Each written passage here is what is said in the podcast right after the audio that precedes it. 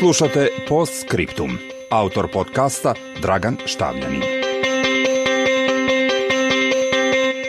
Zločinci su uvek drugi, sobstveni narod je uvek stradalnik. Ovaj stav istoričara Škezena Gašija izrečen pre nekoliko godina povodom analize srpskih i albanskih učbenika na Kosovu, verovatno najbolje oslikava ponovo uzavrele srpsko-albanske odnose u poslednjih nekoliko sedmica – Najnoviji slučaj su izjave bivše kosovskog premijera i jednog od lidera OVK Ramuša Haradinaja i žučne reakcije Beograda. On je zatražio da Srbija izbriše Kosovo iz preambule njenog ustava, zapretivši da će, kada postane premijer, ustavom utvrditi da je Kosovo do Niša. Potpredsednik vlade Srbije Nebojša Stefanović je uzvratio da Haradinaj može da vidi Niš samo iz Niškog zatvora.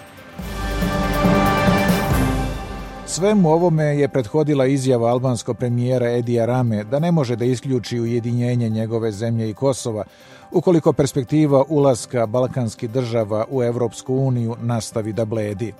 Ona je protumačena pre svega kao pritisak na Evropsku uniju da obrza proces integracija, ali i prebacivanje odgovornosti na Brisel jer se zastoj u proširenju negativno odražava na političku i ekonomsku situaciju u Albaniji i na Kosovu, naravno i na celom Balkanu. Vlasti u Beogradu su osudile ovu izjavu, upozoravajući da bi ujedinjenje Albanije i Kosova izazvalo novi balkanski rat.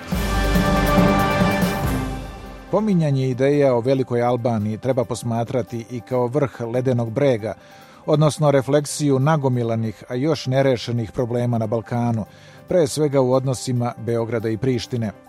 Iako su 2013. postigli sporazum o normalizaciji odnosa, malo šta je urađeno u praksi.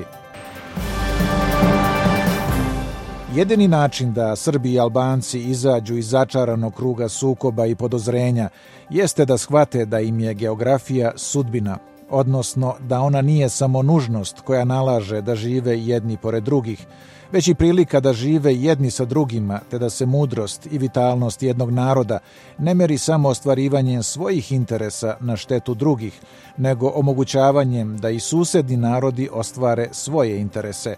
Jedino tako može zavladati mir i prosperitet na Balkanu. Tek tada će pogrdna imena Šiptari i Škije dobiti isključivo folklorno značenje.